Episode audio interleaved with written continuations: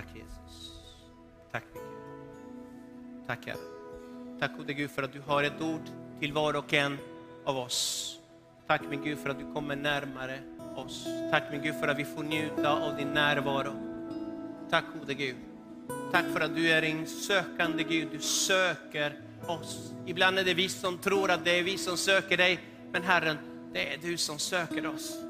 Och tack för att idag, idag får vi möta dig. Vi får möta din godhet och din nåd. I Jesu underbara namn. Och allt folk sa Amen, amen, amen. Varsågoda och sid. Tack så jättemycket lovsångsteamet. Vi kan ge dem också en stor applåd. Ah, tack. Amen, amen. Det är okej okay att säga amen i en kyrka, eller hur? Ja. Och om det är riktigt bra, då säger vi amen. Oh, det där var bra. Det där var bra.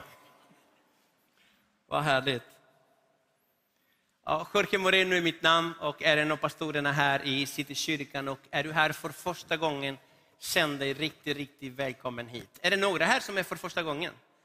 Ja, titta, det finns en. Det finns några till där. Välkomna, välkomna. Ja. Har ni vänner? Ibios alltså, vilken bibelskola. Och jag är inte alls partisk, inte alls. Men om du inte har sökt till Ibios, det finns några platser kvar. Så välkomna hit. Ja, vad härligt. Vilket år vi har haft tillsammans. Ja? Kära någon, vilken resa. Eh, när jag tänker på allt som har hänt under året blir jag så, så tacksam. Eh, allt har inte varit bara bra. Det har funnits tuffa tider. Eh, när Gud kommer i kontakt med oss, många gånger det han gör är att han lyfter upp på mattan och för att vi ska bearbeta det som finns där under.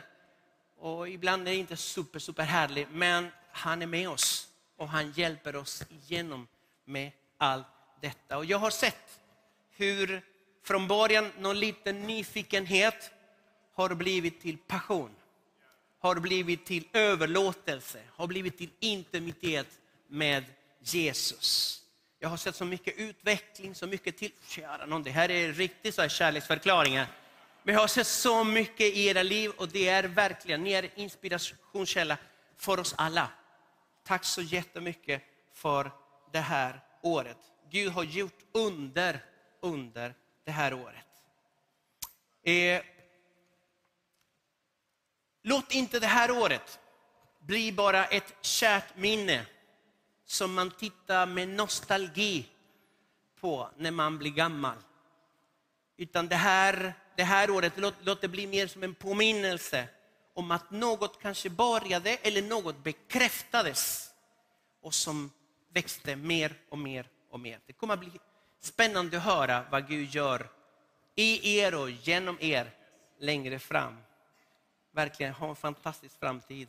Gud har en fantastisk framtid för er.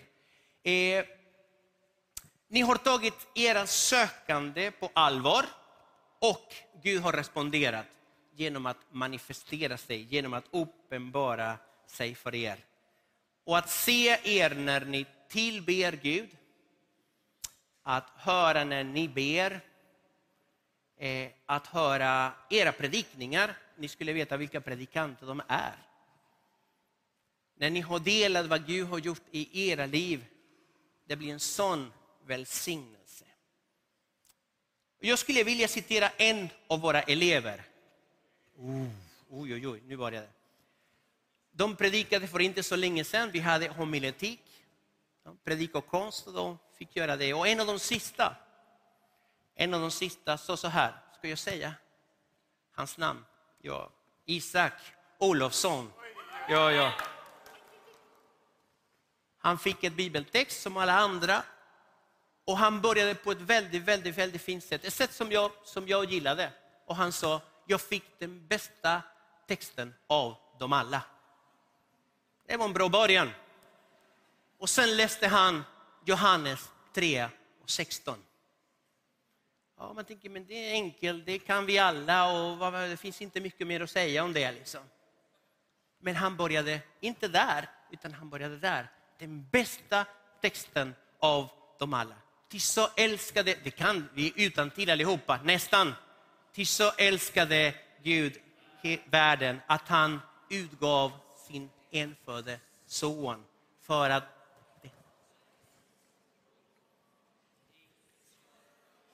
Utan... Johannes 3 och 16. Fantastiskt. Oh, amen. Det var bra. Men det jag gillade, är, vet ni vad? Det är att han hedrade texten. Han hedrade texten. Och han satte den längst upp och då började han tala om det. Och han sa så här, för jag också gillade den där tanken. Många har grävt ner sig i texten för att hämta sanningen ur det. Men jag skulle vilja att istället att vi zoomar ut och att vi tittar på texten ovanifrån. Och jag vet inte ni, men jag vet inte, what? Det var, oh, vad mitt hjärta gjorde kullerbyttor. Ja, men den här, att läsa texten, inte från mitt perspektiv, utan från Guds perspektiv. Och jag tänkte, det där, var, det där måste jag ta. Den var så bra. Det där var bra. Så, tack, så tacksam för det. Eh, och vi befinner oss just nu i en, eh, i en predikoserie som vi har kallat för som vi har kallat för Kom heligande. Och det finns en text som jag har funderat på. Väldigt känd text, vi har läst den många, många gånger. Men jag skulle vilja zooma ut och se den texten ovanifrån. Och den finns i Matteus evangeliet kapitel 6 och vers 33. Där står så här, nej, sök först Guds rike och hans rättfärdighet, så ska ni få allt det andra också. Visst känner vi igen den här texten? Jag tycker att Jesus börjar här med en negation. Han börjar med ett nej. Nej. Och när Jesus säger nej, vet du vad det bästa är? Det är att stoppa karusellen. Stanna, stanna till, för nu kommer det något. Så det viktigaste är att läsa det som kommer härnäst. För han har en poäng i att säga här, stanna till, nej.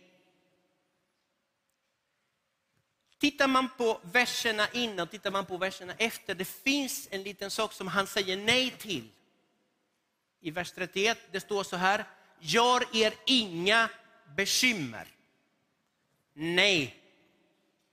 Istället ska ni göra något annat. Och i vers 34 det står, gör er inga bekymmer. Och det är ungefär som att det är två brödbitar.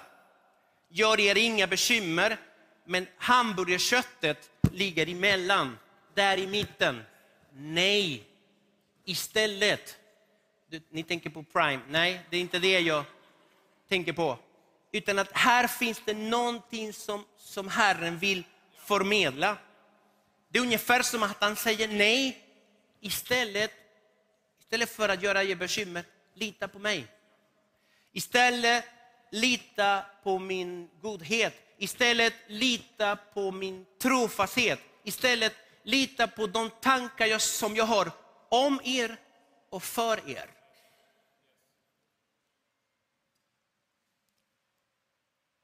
Nej, ni har stannat till.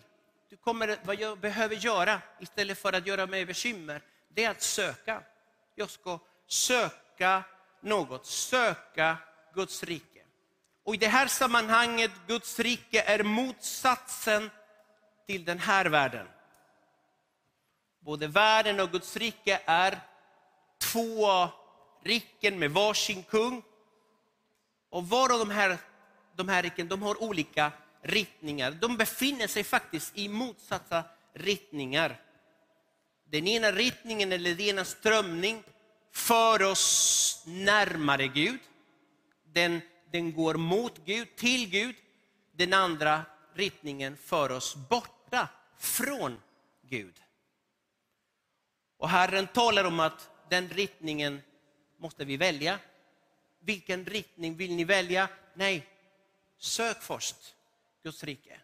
Sök den här riktningen som för er närmare Fadern, som närmare hans hjärta. Han rekommenderar oss detta, men det här måste måste göras på ett aktivt sätt. Guds rike måste sökas. Världen behöver inte söka, den kommer till dig.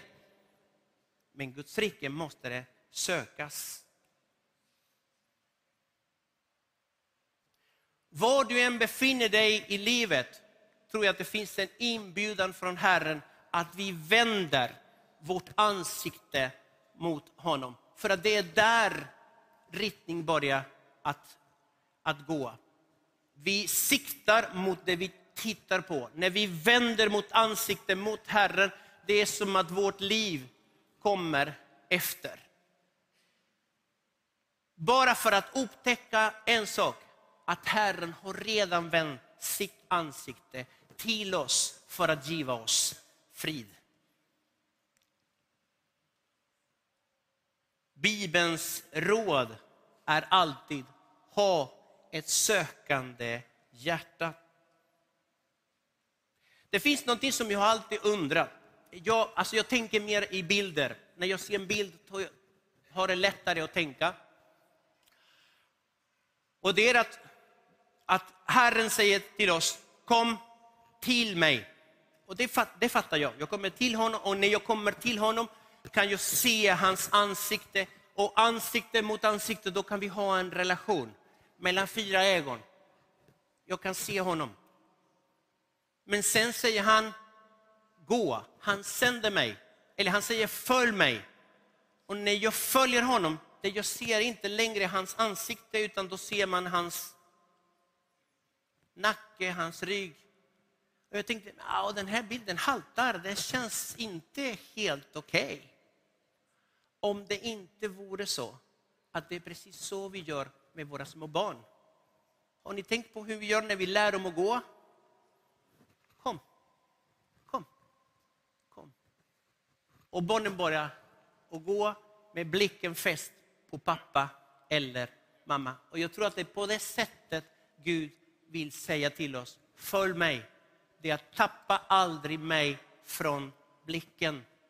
Så länge du har blicken fäst på Jesus kommer du att kunna gå på vatten. Så länge vi gör det och söker Guds rike i en nära relation till honom, då kommer vi att få se hans kraft, hans kärlek och hans nåd. Eh, det handlar inte om en rörelse, två rörelser, kom och sen gå, utan kom och följ mig. Det här livet som Jesus, som Gud kallar oss till, är tänkt att leva tillsammans med Jesus. Vi klarar inte detta utan Jesus. Och därför finns det en text som jag tycker är intressant. Det är i Lukas kapitel 10 och vers 1. Han sänder, han sänder folk. Han hade precis sänt sina apostlar och nu kommer han att sända 70 till. Och där står så här. Därefter utsåg Herren 70 andra och sände dem två och två framför sig till varje stad och plats dit han själv skulle komma. Han sänder oss inte dit, utan han är på väg dit och säger följ mig. Herren har inte slutat att gå bland städer och byar för att hjälpa alla, bota alla som är under djävulens våld, utan han fortsätter fortfarande och han är alltid på väg till någon. Han är alltid på väg till någon, han är alltid på väg till en plats, han är alltid på väg till en situation och han bjuder oss och säger, följ mig, du är på väg dit. Tala det här för den personen, tala det här i den situationen, ring den där personen. Det är Herrens röst som vill nå någon.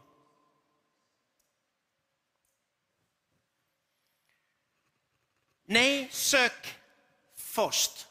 Hur då? Först och främst.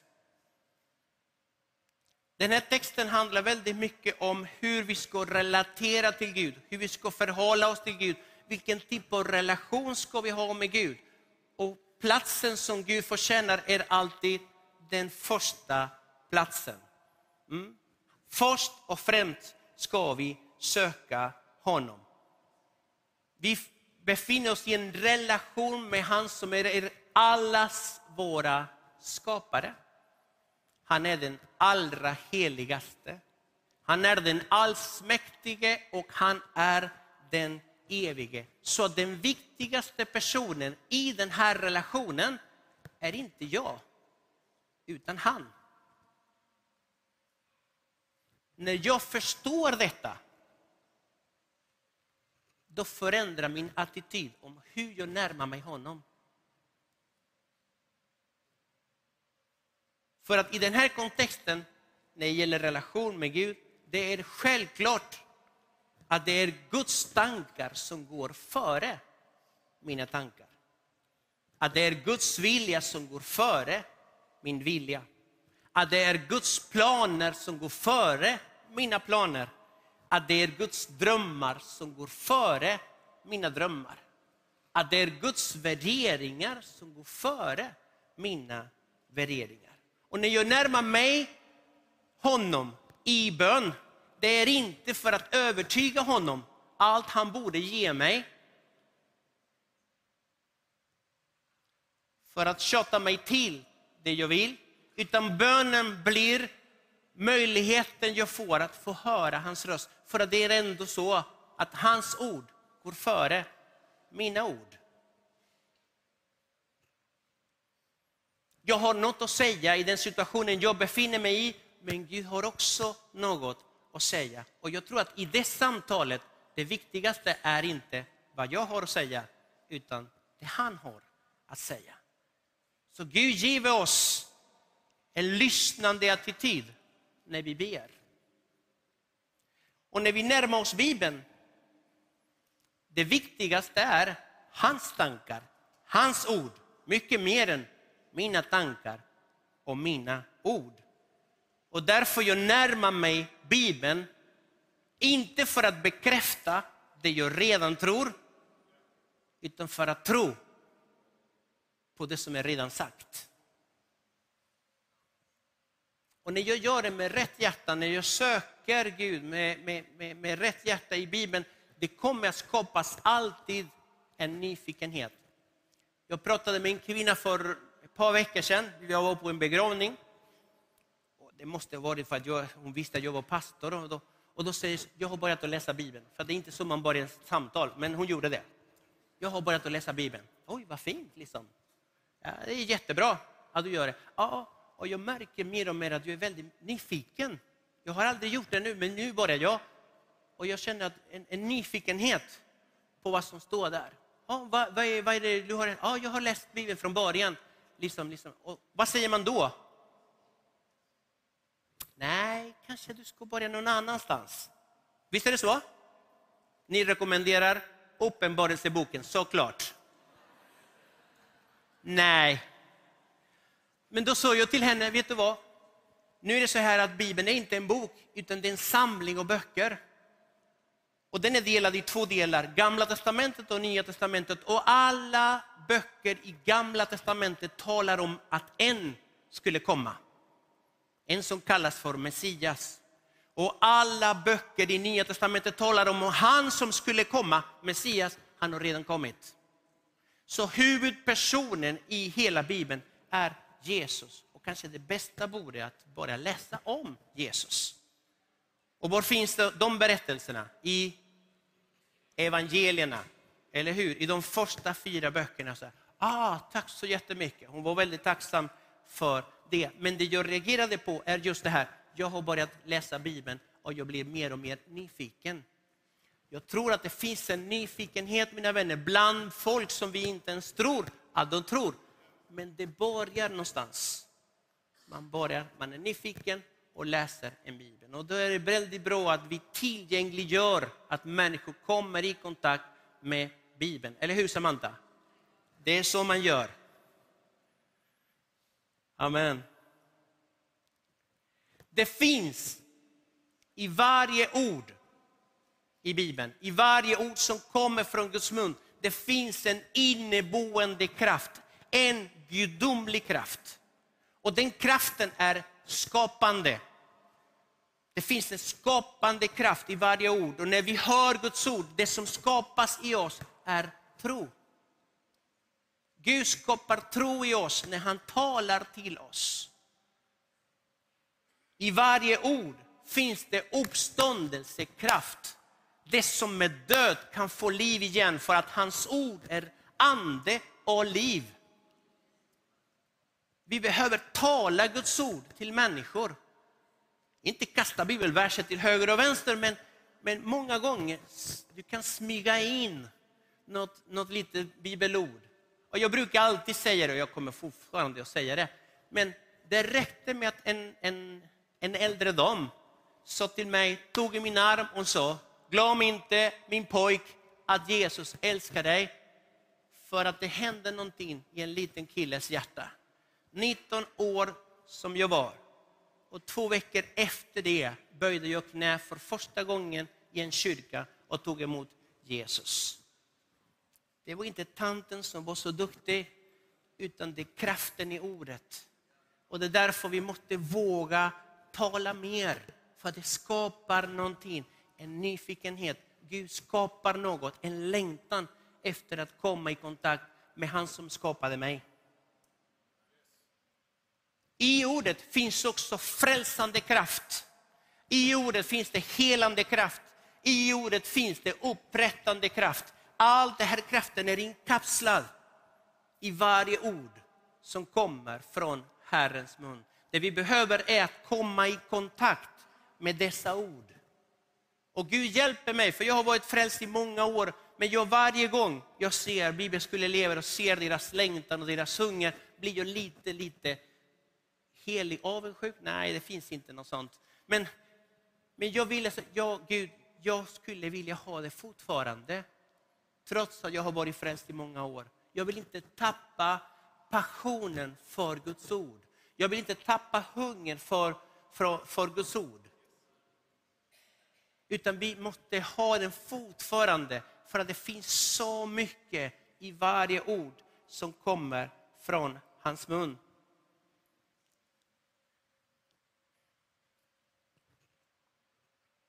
När jag söker när jag söker Gud först och främst, när jag prioriterar honom, när jag prioriterar hans tankar, när jag prioriterar hans planer, när jag prioriterar hans vilja.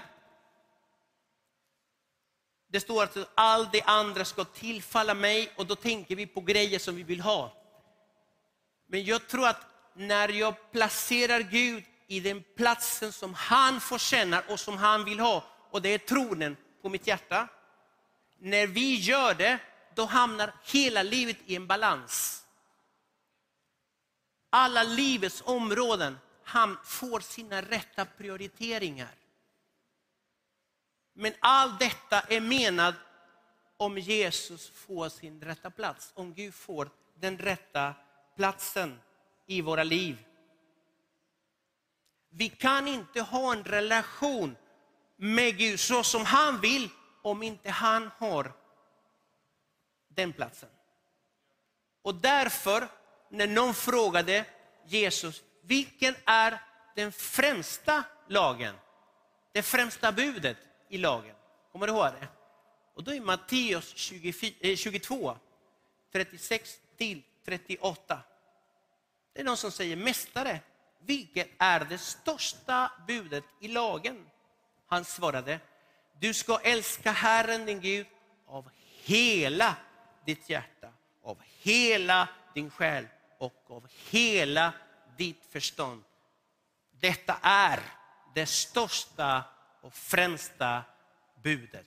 När vi gör detta, när vi söker honom först, när vi söker honom av hela vårt hjärta, av hela vår kraft, av hela vårt förstånd, då hamnar hela livet i en balans. Och allt får rätta proportioner.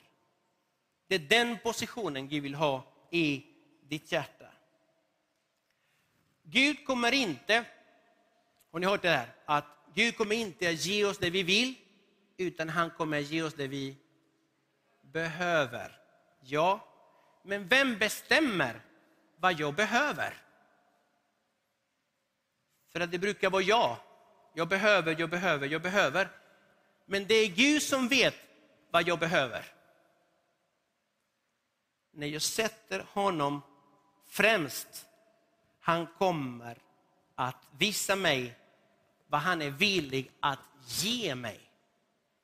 Det finns en text i Matteus 7 och 11 där det står så här. Om ni som är onda förstår att ge era barn goda gåvor, hur mycket mer ska du inte er fader i himlen ge det som är gott åt dem som ber honom. I en annan text står så här, ge den helige ande åt dem som ber honom. Gud är villig att ge. Inte nödvändigtvis det jag vill ha och i den tid jag vill ha, men i den tid han anser att jag behöver. Och då ska jag få den. För att han är god, bara god och alltid god. När jag börjar förstå hans väsen, hans hjärta, att det enda som finns i honom är godhet för oss, då närmar mig jag honom med det perspektivet.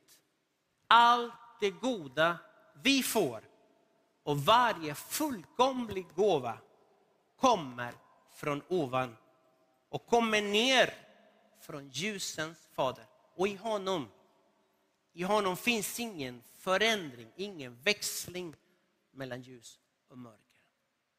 Han vill bara ditt och mitt bästa. Det bästa för dig, det goda för dig finns inte i din hand, utan i Guds hand.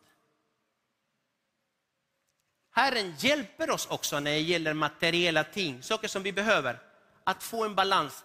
För människan är ytterligheternas varelse.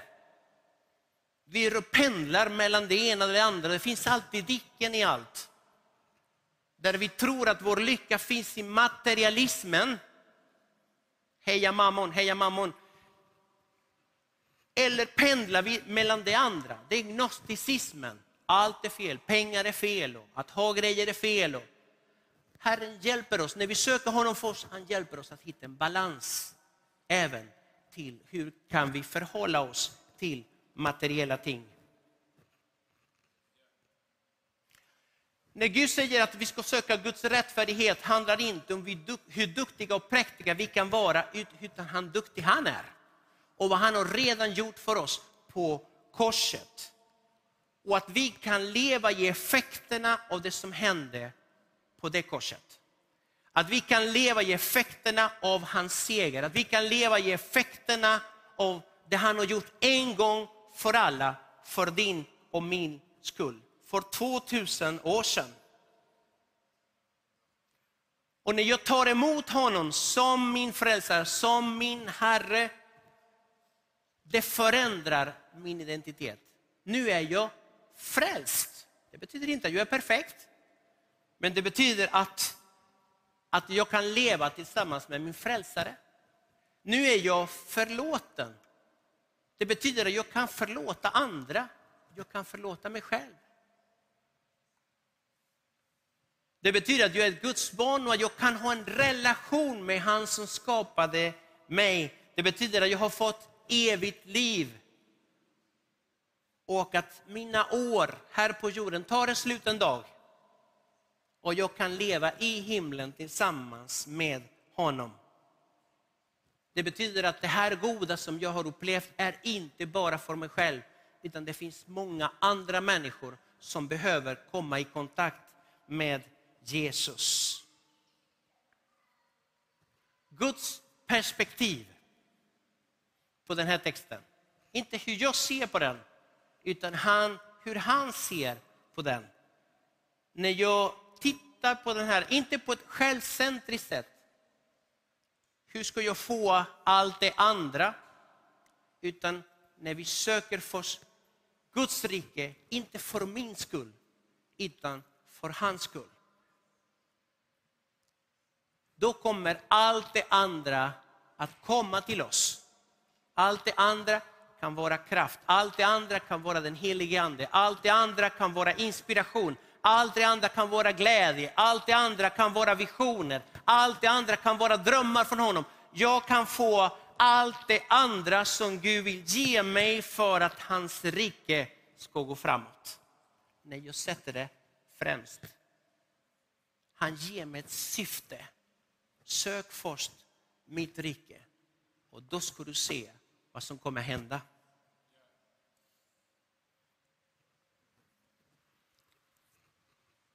Förra veckan var det fem personer som tog emot Jesus. Visst är det bra? Woho! Fem personer tog emot Jesus. Jag såg att några av dem är här idag. Ni är så varmt välkomna tillbaka. Så kul att ni är här. Jag har sett människor bli frälsta för. Det är inte grejen. Jag har sett människor bli berörda av Gud för. Jag har sett människor gråta och skaka sig, det är inte grejen. Men jag har, inte, jag har aldrig sett det jag såg förra veckan. Jag tog de här fem personerna eh, i det där lilla rummet. Och helt plötsligt hade vi världens trafik, för att vi hade nattvard också, så alla nattvardskännarna sprang fram och tillbaka. Och jag tänkte, pff, ah, försök att säga något bra här. Men Guds närvaro var så stark. Det var så stark att människorna skakade. Och det här har jag inte sett. Så här. Och en av dem sa, vad är det som händer? Varför gör jag så här? Jag förstår inte. Jag hade inte förväntat mig det här. Och sen gråta, och sen inte gråta, utan gråta.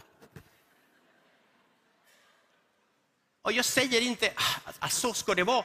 Det är inte det jag säger, men Guds närvaro var så stark. Gud hade gjort något så starkt. Kraften i evangeliet hade predikats, deras hjärtan hade tagit emot detta och resultatet var, vad gör jag med det här? Och då sa jag, men det är ungefär så det känns när Jesus omfamnar oss, när han kramar oss och han släpper inget, inte taget. Och det verkar som att de köpte det här.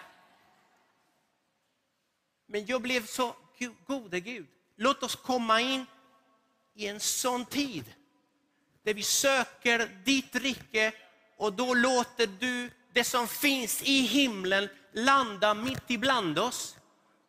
Du som är vår kung, kom, gör entrén och krama oss alla.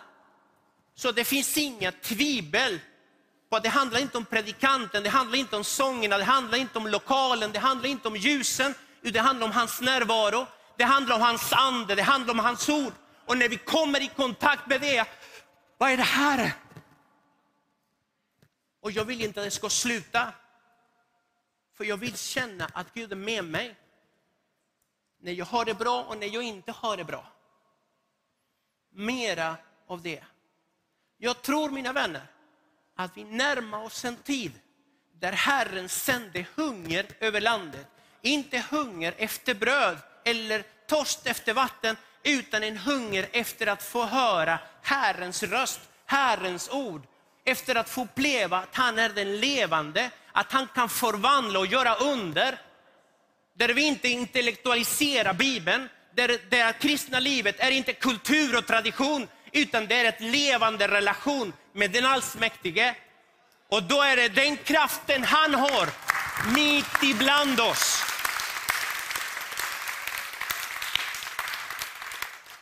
Det här är vad jag längtar efter. Ett sökande folk. Inte ett perfekt folk, inte ett folk som kan allt, inte ett duktigt folk, men ett hungrigt folk. Gud, vi längtar efter mig, därför, efter mer av dig. Därför söker vi. Vi söker mer och mer och mer.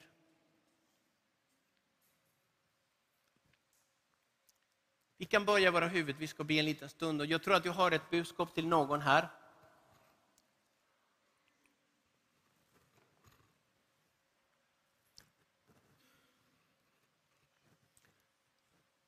Som har börjat att söka och som försiktigt närmar sig Gud. Du ska veta en sak, att det är Gud som söker dig. Det är Gud som längtar efter dig, det är Gud som vill lära känna dig, det är Gud som vill komma in i ditt liv och dela livet med dig. Du som har bett en, en liten tyst bön i mörkret. Du ska veta att Jesus är redan där i mörkret, i det mörka rummet. Att han förstår din situation och det enda han vill, det är att komma in i din situation. Och att du ska få uppleva att du är inte ensam, utan att han är med dig. Om du vill, om du vill att Jesus ska komma in i ditt liv, att Jesus ska komma in i ditt hjärta, då ska vi be en bön. Då ska vi be en bön. Jag vill be för dig.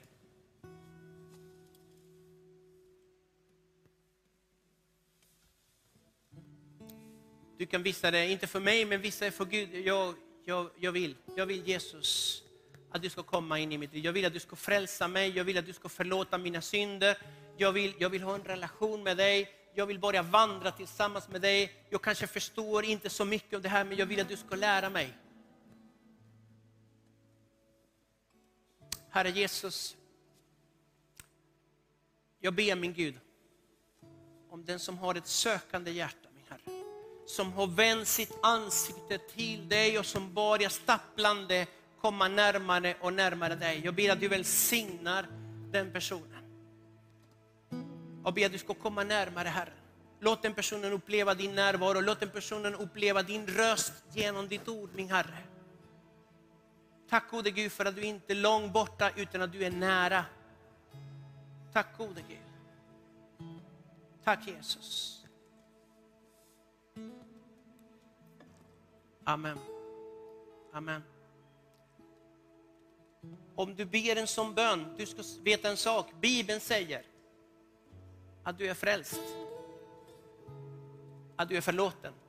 Att du är ett Guds barn och att du är på väg till himlen.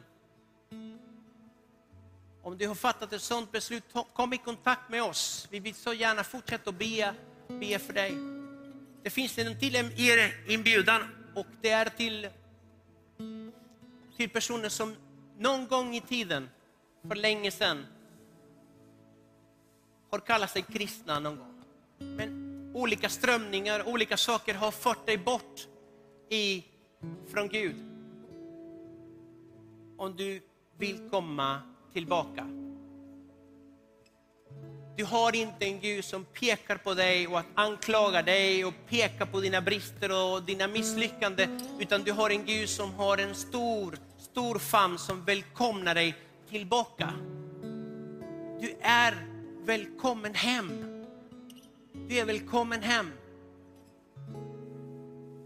Så vi vill be också även för dig. Vi kommer så småningom att öppna förbönstationerna där det finns förebedjare som vill be för dig och sa välkommen fram.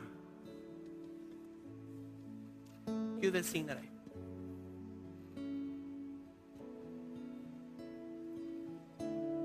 Tack Jorge. Tack Jorge för det ordet av uppmuntran. Ehm, vi ska göra så här att vi ska bjuda fram bibelskoleeleverna alldeles strax här. Så vi ska be för er. Vi ska öppna upp förbundsplatsen. Men eh, en av våra elever jobbade natt, i natt och kommer in lite senare i gudstjänsten här. Jenny Sömsk, internship. Hej. Du har, gått, du har gått intern det här året. Ja, det har jag gjort. Helt fantastiskt. Vad har du haft som praktik? Jag har haft CR, Celebrate Recovery, ett tolvstegsprogram där man ja, jobbar med sår och ovanor och sånt och lämnar dem till Jesus. Fantastiskt. Jag förberedde inte dig på det här, men, men eh, när, du gjorde, när du bjöd in Jesus i ditt liv och lät honom krama dig, som Jorge berättade, vad hände då? Hela mitt liv förändrades. Allt förändrades. Jag trodde inte att det var möjligt att leva, nu blir jag helt rörd, tack Jesus. Jag trodde inte att det var möjligt att leva ett liv fyllt med sinnesro och sån enorm kärlek. Jag har sån enorm kärlek till alla människor och även mig själv. Han förändrade mig och fortsätter förändra mig varje dag. Jesus är, han är på riktigt. Eh, det visste inte jag för lite mer än tre år sedan. Men jag ställde mig på knä och jag bad och då kom han och mötte mig så starkt. Och eh, han gör det fortfarande varje dag och jag får se att han möter andra människor också. Jag får se det här varje dag. Eh, det är helt fantastiskt. jag älskar Jesus. Fantastiskt. Um, och det mötet vill vi göra tillgängligt för den som vill. Du kanske satt och, och, och viskade bönen i ditt hjärta. Men det är någonting att få bli också omkramad i, i förbön eller i, av en annan människa. Om du, som Jorge sa, vill ta steget att få möta med Guds kärlek genom Jesus Kristus, så är dagen en bra dag. Eh, men nu ska du också få ett diplom och en ros av Gabriel. Väl kämpat Jenny! I mål! Eh, och alla bibelskoleelever, vill ni också ställa er här framme Eh, på en, eh, en eller två rader. Jag vet inte vad det kan få gå ner här. Eh, kära församling, får gärna ställa er upp och så um, under ni kan, ni kan faktiskt få vända er mot så här. Jag tänkte att vi, vi släpper dem lite nu. Ni får titta på mig istället. Så kommer församlingsledare, ledare och, och bara be och välsigna er. Och tala Guds ord över er. Eh, vill du ha förbön för något så, eller ta emot Jesus så har vi förbönsplatser på min vänstra sida här och på min högra sida. Eh, och vi står gärna med dig i bön för, för det du kom med, vad det än må vara så, så vill Gud möta dig och vi tar en stund i några minuter här nu, tillber och, och välkomnar. Eh, jag fick en tanke, jag vet inte om den var från Gud, men jag säger den i alla fall, att det kan finnas någon här i rummet som är på väg att skriva ett kontrakt med någon eller något eh, ett affärskontrakt kan det vara, eller ett, en jobb. Eh, och du känner oro inför detta eh, och det är något som inte stämmer. Så kan det vara att Gud som bara påar att skriv inte på det där kontraktet. Eh, för det finns saker bakom det som inte är bra. Eh, så pröva det om det var från Gud, men eh, jag kände att jag var tvungen att få säga det i alla fall. Så förbönsplatserna är öppna och nu ber vi för varandra. Vi tillber Jesus i några minuter till.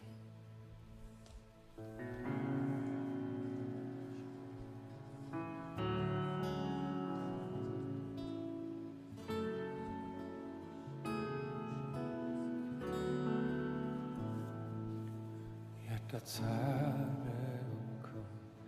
var den klippa dit jag flyr.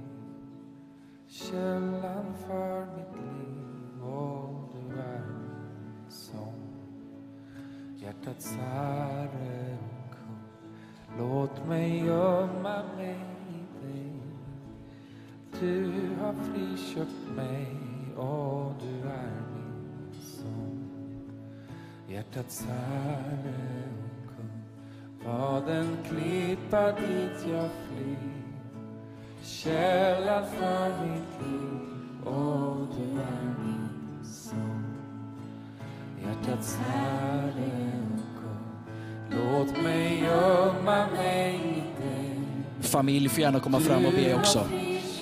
Så vill ni vara med och välsigna så, vi ser att några har kommit ändå, men gör gärna det. Be för era välkomna fram.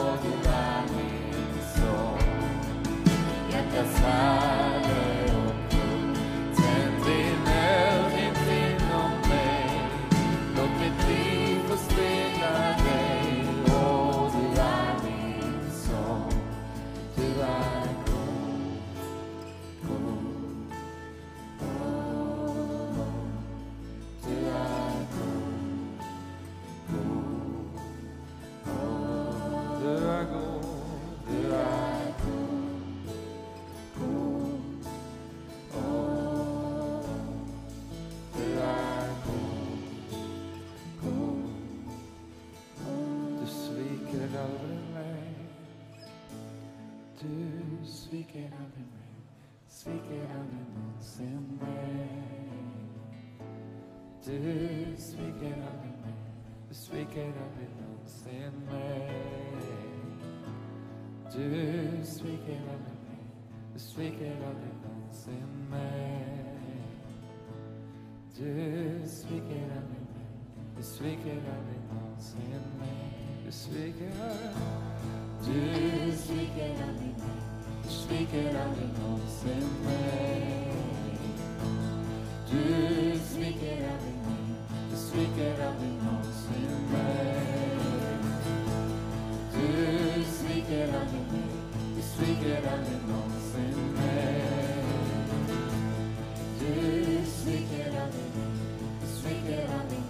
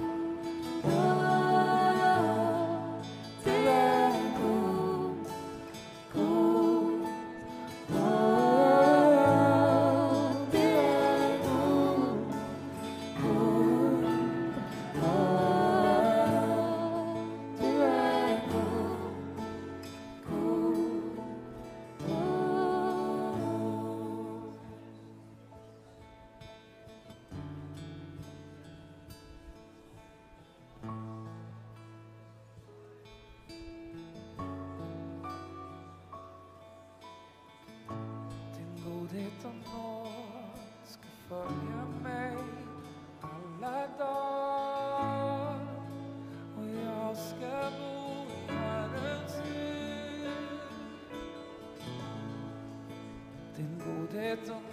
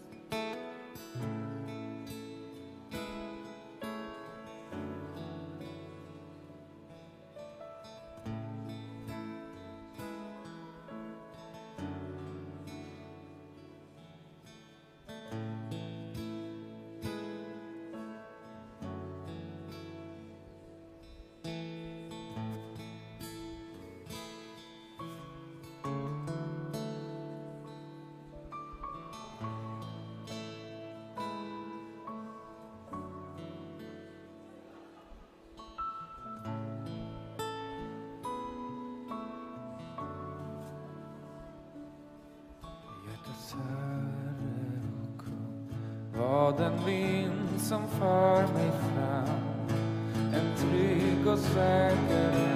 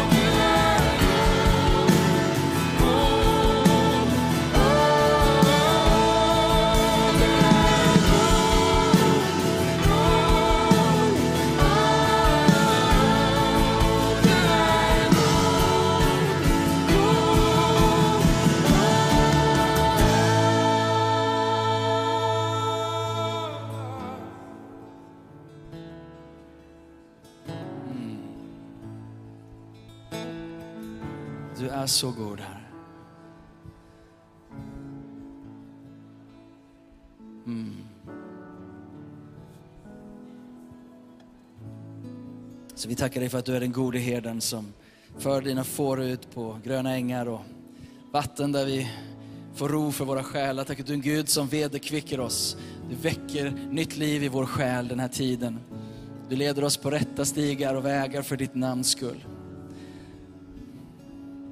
Och även genom dödsskuggans dal så är du där. Din käpp och stav tröstar, styrker oss genom allt. Genom livet. Tack att du Gud som smörjer vårt huvud idag med olja och fyller våra bägare så att det bubblar och flödar över. Och vi vet att endast godhet och nåd ska följa oss, ska följa dig den här veckan, ska följa dig i ditt arbete, i dina studier, i din familj på de stormiga haven, eller haven som behöver delas, berg som behöver kastas i havet. Gud med dig är allt du behöver. Och att han har gett dig löften om att bo i Herrens gårdar, det betyder i Herrens närvaro. Alla dina livsdagar. Så var välsignad i den vecka som ligger framför dig på ditt arbete, de sista kanske arbetsveckorna innan semester för en del. Gud är med dig. Jag ska kort också bjuda fram eh, Johanna. Eh, Johanna och Alfred ansvarar för våra unga vuxna. Vad händer idag? Ja, eh, tänkte bara säga här framifrån också att vi tänkte att vi vill ha lite picknick tillsammans ikväll vid halv sex. Bara för att få möjlighet att hänga lite igen en sista gång innan vi kanske sticker iväg på semester och sådär. Så är du ung vuxen så haka jätte, jättegärna på. Eh, halv sex vid Åkeshov. Eh, Åkeshov station och sen tar du dig till, du går ner för stationen till höger så är där ett slott och så går du bakom slottet och så tänkte vi sitta där med picknickfilt. Ta med egen filt, ta med lite käk och så bara har vi lite häng tillsammans från halv sex. Tack. Åkeshovs slott alltså. Det är det du ska komma ihåg. Åk dit, hitta en gräsmatta. Ehm, härligt hörni, ehm, det är gudstjänst här igen klockan två på engelska. Du är varmt välkommen på det. Ikväll så är det i Folkungakyrkan och där kommer jag också berätta om att vi kommer att eh, då ha gudstjänster här till hösten tillsammans med Heart. Ehm, det var någonting mer jag skulle säga. Ehm, men det var nog inget viktigt. Så, Gud välsigne er alla. Ha en bra vecka så ses vi. Kärlek till alla.